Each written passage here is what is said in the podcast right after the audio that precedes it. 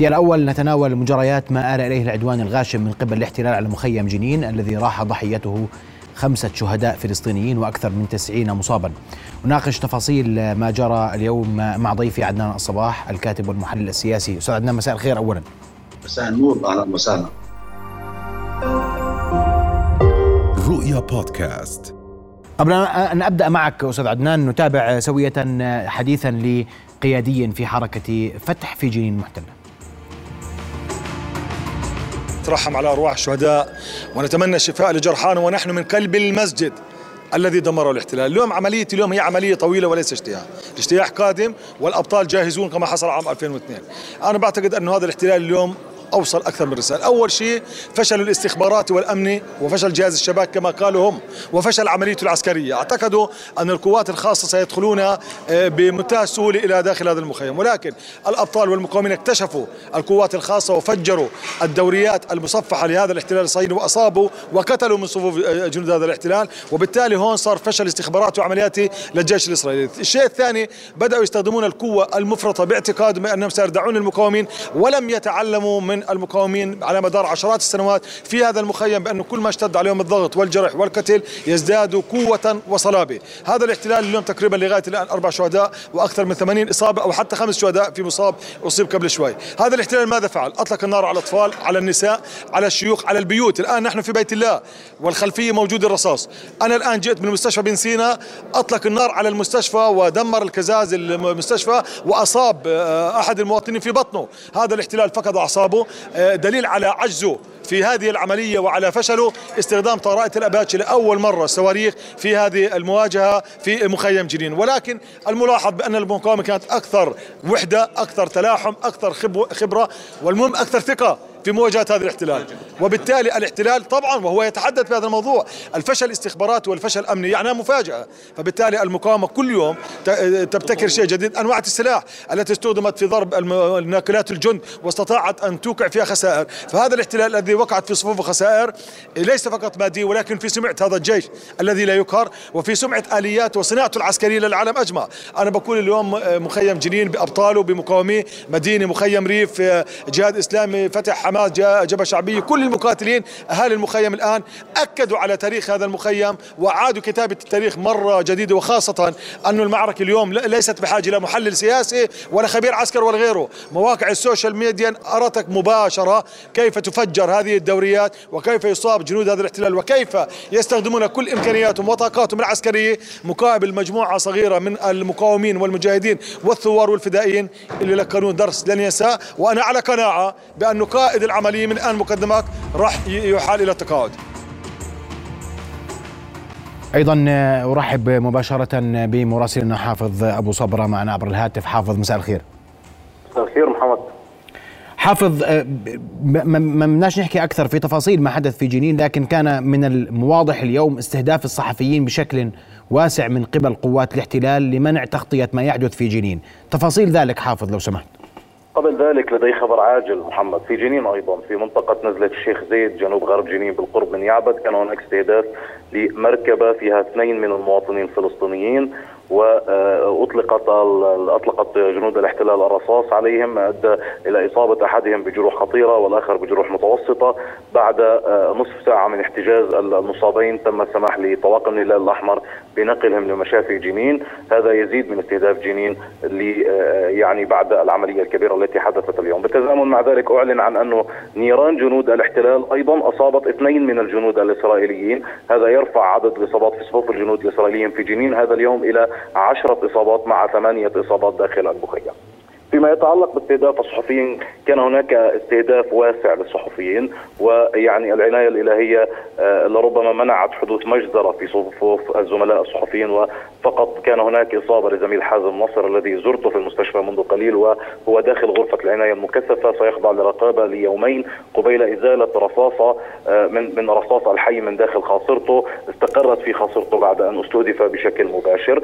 كان هناك إطلاق للرصاص على الصحفيين. بينما كانوا يرتدون الزي المتعارف عليه دوليا فوق أسطحة المنازل على بعد مسافات كافية عن مخيم جنين. مثلا كنا محاصرين برصاص قناص إسرائيلي على بعد آه، كيلو ونصف الكيلو متر من مخيم جنين من منطقة الهدف بالتحديد على سطح إحدى البنايات. زميلة في مصورة وكالة رويتر وزميل مصور وكالة AFP الدوليين يعني حوصروا داخل مبنى قرب مدرسة الوكالة في المخيم. الزميل حازم ناصر أطلق الرصاص عليه بينما كان يرتدي الزي عند دوار العودة. استهدفت سيارة قناة رؤيا في منطقة دوار العودة بالرصاص وأنا كنت يعني أحتمي بالسيارة كساتر. ولولا العناية الإلهية لكانت الرصاص استقرت في المناطق العلوية العلوية من من من جسدي ومن جسد زميل مصور محمود فوزي. لربما انه هذا الاستهداف جاء لمحاولة لفت الأنظار عن الفشل الاستخباراتي والعسكري الإسرائيلي في مخيم جنين، عملية عسكرية هي الأكبر بعد ما يقارب الأربعة أسابيع من الهدوء، تلقى هذا هذه المقاومة الكبيرة، هذه العبوات الناسفة المتطورة بأضعاف عما كانت عليه قبل أربعة أسابيع في الاقتحامات الكبيرة للمخيم، هذا يعني فشل كبير للجهود الاستخباراتية الإسرائيلية في محاولة تصفية الحالة النضالية في مخيم جنين وأيضا فشل كل الاتفاقات الأمنية التي كانت معنية بحصول تسويات ميدانية ما بين الأجهزة الأمنية الفلسطينية والمقاومين سواء في جنين أو في نابلس. هذا يعني أن الهدوء خلال الفترة الأخيرة لم يكن هدوء لأجل الوصول إلى استسلام للمقاومين بل هو هدوء لأجل التطوير. لذلك الاستهداف للصحفيين كان للتغطية على الفشل ولمحاولة لفت الأنظار عما يجري داخل المخيم من استهداف لكن حافظ اسمح لي أقاطعك حافظ. الاستهداف اليوم مختلف عن سابقاته ولا تزال في الذاكرة استشهاد البطلة شيرين أبو عاقل.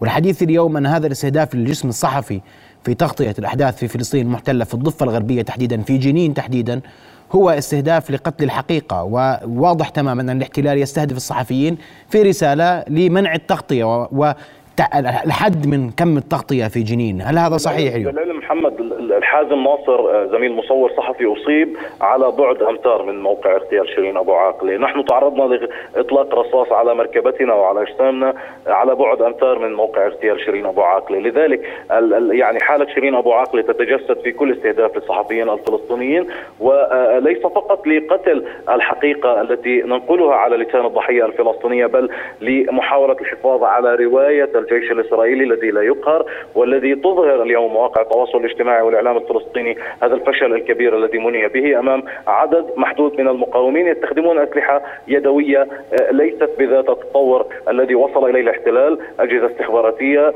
طيران أباتشي يقوم بقصف مناطق واسعة داخل المخيم للتغطية على انسحاب الآليات التي تم اعطائها. نعم.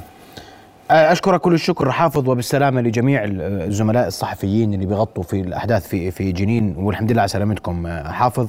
أعود للأستاذ عدنان آه، صباح الكاتب المحلل السياسي. أستاذ عدنان وأبدأ من حيث انتهى حافظ. الاستهداف لجسم الصحفي واضح اليوم. هناك نية ومبيتة لدى الاحتلال لمنع تغطية ما يحدث في فلسطين من قبل وسائل الإعلام المختلفة وهناك تضييق وتخويف للصحفيين من التغطية وهذا حقيقة واقعة ما بعد اغتيال شيرين أبو عاقلة الاحتلال يريد أن يغطي على عجزه أولا وعلى جرائمه ثانيا لكن أخطر ما في الصورة هو هذا العجز المتواصل والفشل المتواصل الذي تمنى به قوات الاحتلال ليس في جنين وحدها ولكن على عديد الجبهات المفتوحة ضد الاحتلال والتي باشت يخشاها ويخشاها حقيقة. ما جرى اليوم في جنين وضع المؤسسة الأمنية الصهيونية برمتها أمام سؤال مهم وضروري الإجابة عليه. ماذا بعد؟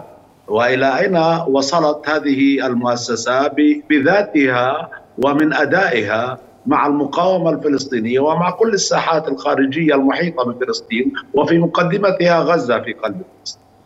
الذي جرى اليوم بدا كعمل عادي روتيني يقوم به تقوم به قوات الاحتلال بشكل متواصل في عديد أنحاء الضفة الغربية ومنها جنين. لكن ما ما فاجأ الاحتلال وهذا ما قاله قادة الاحتلال العسكريين وغيرهم. هذه العبوات الناسفة وهذا وهذا العمل الدقيق وقدرة المقاومة على اختيار ومعرفة المكان واختيار الزمان وآلية التفجير وحجم العبوة وقدرتها التفجيرية. مما يشير كما تقول أجهزة الاحتلال نفسها أنه بات لدى المقاومة أدوات كفاح حقيقية. المقاومة اليوم أصابت طائرة الأباتشي بالرصاص المباشر إصابة مباشرة. واضطرت طائرات الأباتشي أن تستخدم البالونات الحرارية لكي تمنع إصابتها. الجيش اليوم اضطر لاستخدام كل قوته المفرطة فقط ليخرج جنوده من الموقع بسلام وليخرج آلياته المصابة والتي نقلتها كاميرات الإعلام بشكل واضح، هذه كانت فضيحة لمؤسسة أمنية تعتقد ولا زالت تعتقد أنها الأقوى في المنطقة، اليوم المقاومة الفلسطينية بكل السلاح البسيط والأدوات القتال البسيطة المملوكة لهم والتي يطورونها بأنفسهم على أي حال هذه الأسلحة اليوم تمكنت من أن تمرغ انف جيش بالاحتلال، جيش بهذه القوة وبهذه الإمكانيات الذي يبيع السلاح للعالم ويتباهى بقدراته تلك الغير قادر على مواجهة هؤلاء الأبطال ويضطر إلى الانسحاب يعني يجر الذئاب للخيبه لكن علينا أن ندرك أن هذه ليست نهاية المطاف. هذا الاحتلال المجروح والمهان على يد أبطال جنين وعلى يد أبطال جنوب لبنان وعلى يد أبطال غزة وعلى يد أبطال مصر أيضا. هذا هذا الاحتلال المهان آه، مجروح وبالتالي نحن نعلم جيدا وعلينا أن نعلم جيدا أن القادم سيكون أسوأ بكثير لأن الاحتلال لا يملك لا يملك على الإطلاق من أداة للرد على المقاومة وعلى الشعب الفلسطيني إلا الفعل الدموي والقتل والإرهاب هذا سلاحه الوحيد ولا يملك غير هذا السلاح وهو آه، مضطر لاستخدامه بأبشع صوره. هذا هو القادم ولذلك هذا القادم المهم وماذا نحن؟ وأين نقف نحن؟ أستاذ عدنان أستاذ عدنان اسمح لي. المهم ما هو قادم لكن المهم في مشهد اليوم أن المشهد اختلف. حتى عملية الاحتلال آه، في جنين كانت أوسع وأكبر وازدادت حدة بعد ما حدث. ومن غير المتوقع أن تنتهي ان تنتهي العملية اليوم بانتهاء هذا اليوم تحديدا في جنين. و هي لم وهذا السؤال المهم قدرات المقاومة اليوم في جنين قديش قادرة تصمد؟ ما قاله مراسلكم الآن قبل قليل آه، عن أن هناك إصابتان لمواطنين فلسطينيين فلسطينيين برصاص الاحتلال آه، على مفرق آه، نزلة الشيخ زيد وإصابات في صفوف جنود الاحتلال هم يقولون أن الإصابات يعني بسبب نيران صديقة من بنيرانهم هم لجنود الاحتلال. مما رفع عدد المصابين بين جنود الاحتلال هذا اليوم إلى عشرة مصابين. صحيح نحن لدينا خمسة شهداء أبطال والعدد يعني آه، آه، قد يزيد آه، هذا متوقع. ولدينا ما يقارب المائة إصابة بينها حوالي 30 إصابة في حالة خطرة وحرجة. وهذه يعني خسارة فادحة بالنسبة لشعبنا. لكن علينا أن ندرك جيدا أن الجانب الفلسطيني مطالب الآن بالوقوف جيدا أمام اللحظة القادمة. جهوزية عالية هذه الجهوزية بحاجة لكل القوى ولكل الطاقات والإمكانيات لأن تتكاتف اليوم آه، وبشكل واضح وجلي لأن الاحتلال مشروعه أبعد من مشروع جنين. الاحتلال مشروعه الذي منح سموتريتش آه، أمس حق المصادقة الفردية على آه، المشاريع المغتصبات في الضفة الغربية وإقامة أكثر من 4500 يعني مسكن في المغتصبات وتوسيعها وإطلاق يد الجيش للقتل وإطلاق النار في كل حال وفي كل ظرف آه، كل هذه الجرائم آه، وفهم مقدمتها أيضا الجريمة المتواصلة ضد المسجد الأقصى ومحاولة تقسيم المكان التقسيم المكاني للمسجد الأقصى. آه، بشكل فظ وهمجي ويومي يحاولون اقتحام المسجد الأقصى وتدنيسه كل ذلك يشير إلى مشروع حقيقي للتهويد. الاحتلال اليوم رغم كل الهزائم التي يمنى بها لكنه يستعد أنا أقول أنه يستعد استعدادا قاسيا ولن يفوت فرصة الاستفادة من الأوضاع الدولية المحيطة آه، في العالم. انشغال العالم اليوم بأحداث كبيرة وكبيرة جدا كالحدث الروسي الأوكراني أو الحدث السوداني أو الصراع الصيني التايواني وصراع آه، مع اليابان ومع عديد الدول. هذه الحروب المفتوحة الباردة والساخنة الآن تمنح دولة الاحتلال إن لم تجد يعني جبهة موحدة آه، قوية متماسكة فاعلة في الجانب الآخر. ولا أقصد الشعب الفلسطيني ولا المقاومة الفلسطينية وحدها. هذا المقصود اليوم الجميع الجميع مهدد. والمشروع الإسلامي العربي المشروع الإنساني مشروع الحرية ومشروع الحياة والسلام على الأرض مهدد وعلى يد دولة الاحتلال. وبالتالي مطلوب اليوم من الفلسطينيين والعرب أولا. يا, يا أستاذ عدنان اليوم اليوم في حكومة احتلال وهناك احتلال وهو منذ سنوات هذا أمر ليس بجديد. هو لا لا يكترث. لا باتفاقيات ولا باتفاقيات سلام ولا يريد سلاما. هذا أمر واضح اليوم. اليوم التعويل كل التعويل على ما يقوم به المقاومون في فلسطين كل فلسطين. والسؤال اليوم هل المقاومة في جنين وفي الضفة الغربية قادرة على مواصلة ما يحدث اليوم؟ قادرة على الاستمرار في ظل كل هذا الضغط من الاحتلال واستخدام كل هذه الآليات العسكرية لمهاجمة مخيم جنين؟ تسع ساعات متواصلة من القتال خاضت خاضها أبطال مخيم جنين وجنين وحدهم هذا اليوم. تسع ساعات متواصلة من القتال دون أن تتوقف دون أن يتوقف الاشتباك المباشر مع جيش الاحتلال على أرض المخيم والأحياء المحيطة به طوال هذا النهار. ولا ولا زالت هناك تجارب أكثر من تجربة آه، تمكنت قوات القوى المقاومة من الصمود في وجه الاحتلال.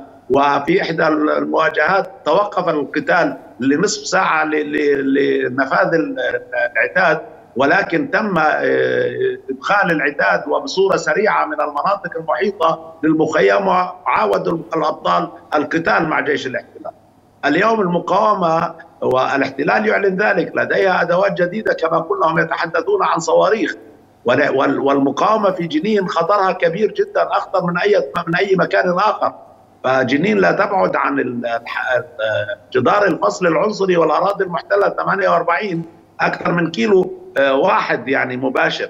والمغتصبات في داخل الأراضي المحتلة 48 قريبة وقريبة جدا. بالرصاص المباشر يمكن الوصول إليها من من الجهات القريبة ونحن نسمع عن آه، يوميا عن إطلاق النار على الحواجز العسكرية وعلى آه، مناطق